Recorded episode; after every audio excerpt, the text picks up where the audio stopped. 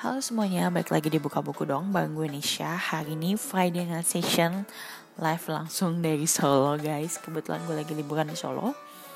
Jadi hari ini gue akan ngebahas satu drama Yang menurut gue Gue suka banget sama drama ini. Bener-bener literally gue banget gitu. Bukan bukan dalam ceritanya tapi cara penggambaran atau pengambilan scene-nya itu gue suka banget. Kayak cup of my tea lah istilahnya gitu ya jadi drama ini bercerita tentang sebuah keluarga yang tinggal di daerah Sanpo.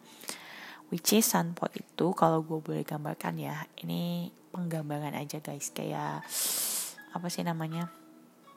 Istilah aja gitu ya, kita menggambarkan Sanpo ini.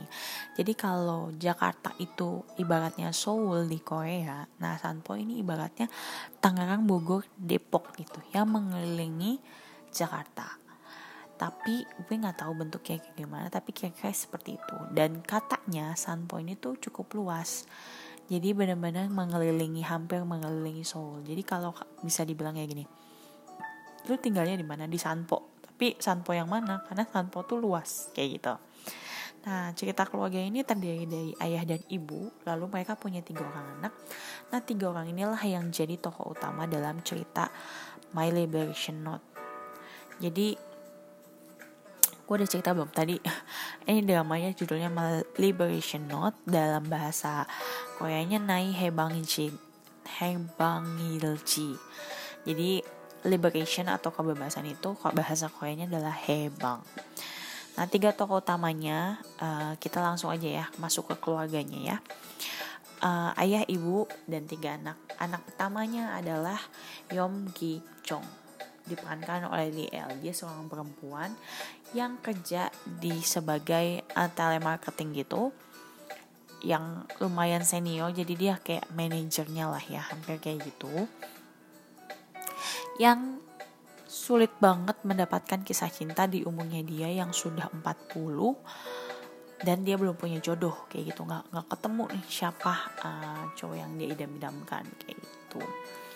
Terus anak kedua. Anak kedua namanya Yom Chang Hee, seorang pria diperankan oleh Lee Min Ki. Menurut gue Lee Min Ki di sini perannya beda banget dari yang biasanya gue tonton di drama-drama sebelumnya yang cool, dingin, terus yang kayak untouchable gitu loh. Tapi di sini dia bener-bener kayak ah, slengean, uh, suka ikut campur, terus bawel, cerewet kayak gitulah. Menurut gue di sini acting dia oke okay banget Nah Yom Chang ini atau anak keduanya ini uh, kerja sebagai manajer area manager untuk supermarket kayak minimarket gitu. Kayak contohnya mungkin kalau di Indonesia kayak Alfamart eh Alfamart atau Indomaret gitu. Nah di mana si Lee Min Ki ini uh, uh, sorry Yom Chang ini punya utang. Jadi kayak sehari-hari dia uh, gajinya itu dipegang sama ibunya karena dia harus bayar utangnya. Jadi dia tuh tidak menikmati hasil kerja kerasnya dia tapi dia tetap kerja dan tetap berusaha untuk melakukan yang terbaik dalam pekerjaannya. Nah anak yang ketiga Yong Mi Chong diperankan oleh Kim Ji Won. Kalau kalian tahu Kim Ji Won ya yang ada di Descendant of the Sun terus dia main juga terakhir. Gue lupa lagi yang sama Ji Chang Wook tuh ya.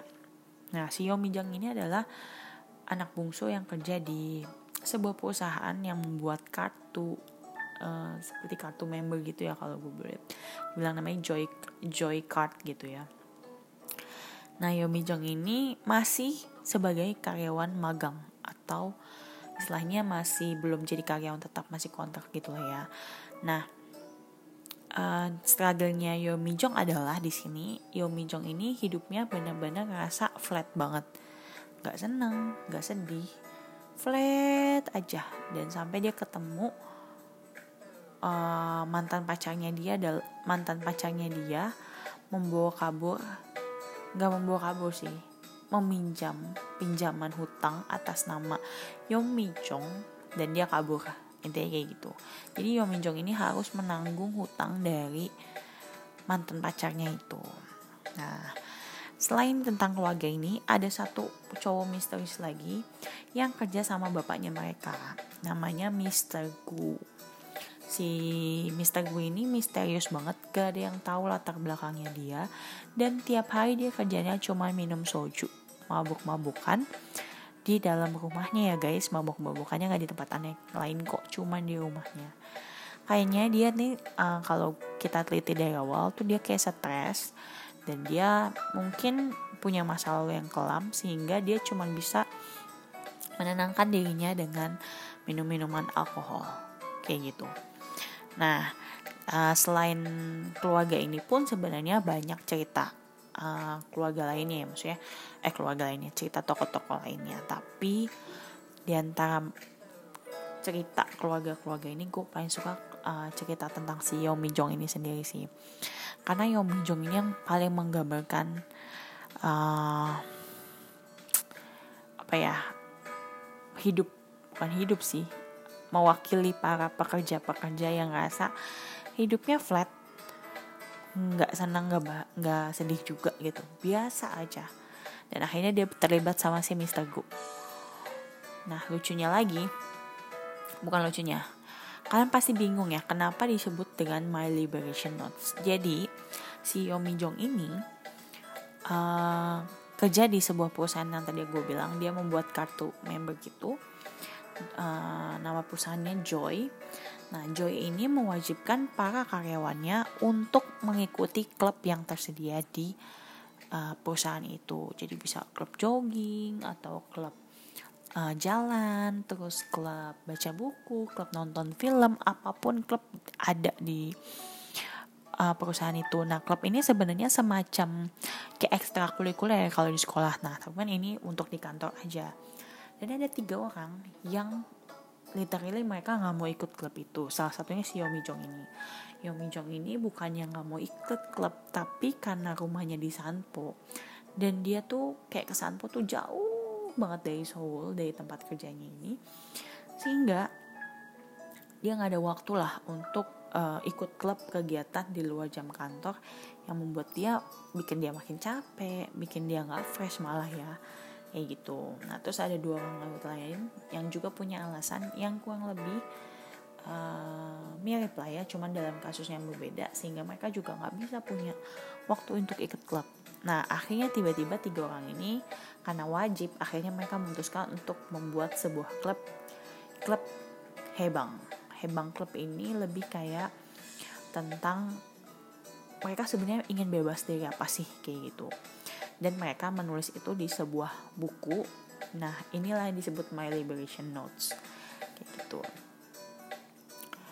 uh, yang uniknya lagi ini nggak plot twist sih menurut gue cuman tiba-tiba banyak adegan yang kayak lompat dan bikin kaget gitu. Apalagi di menjelang tiga tiga atau empat episode terakhir ya. Ada beberapa yang kayak di skip tahunnya terus jalan ceritanya alur ceritanya terus tiba-tiba kaget gitu. Ini sih di endingnya seru banget menurutku ya. Di empat episode terakhir tuh seru banget.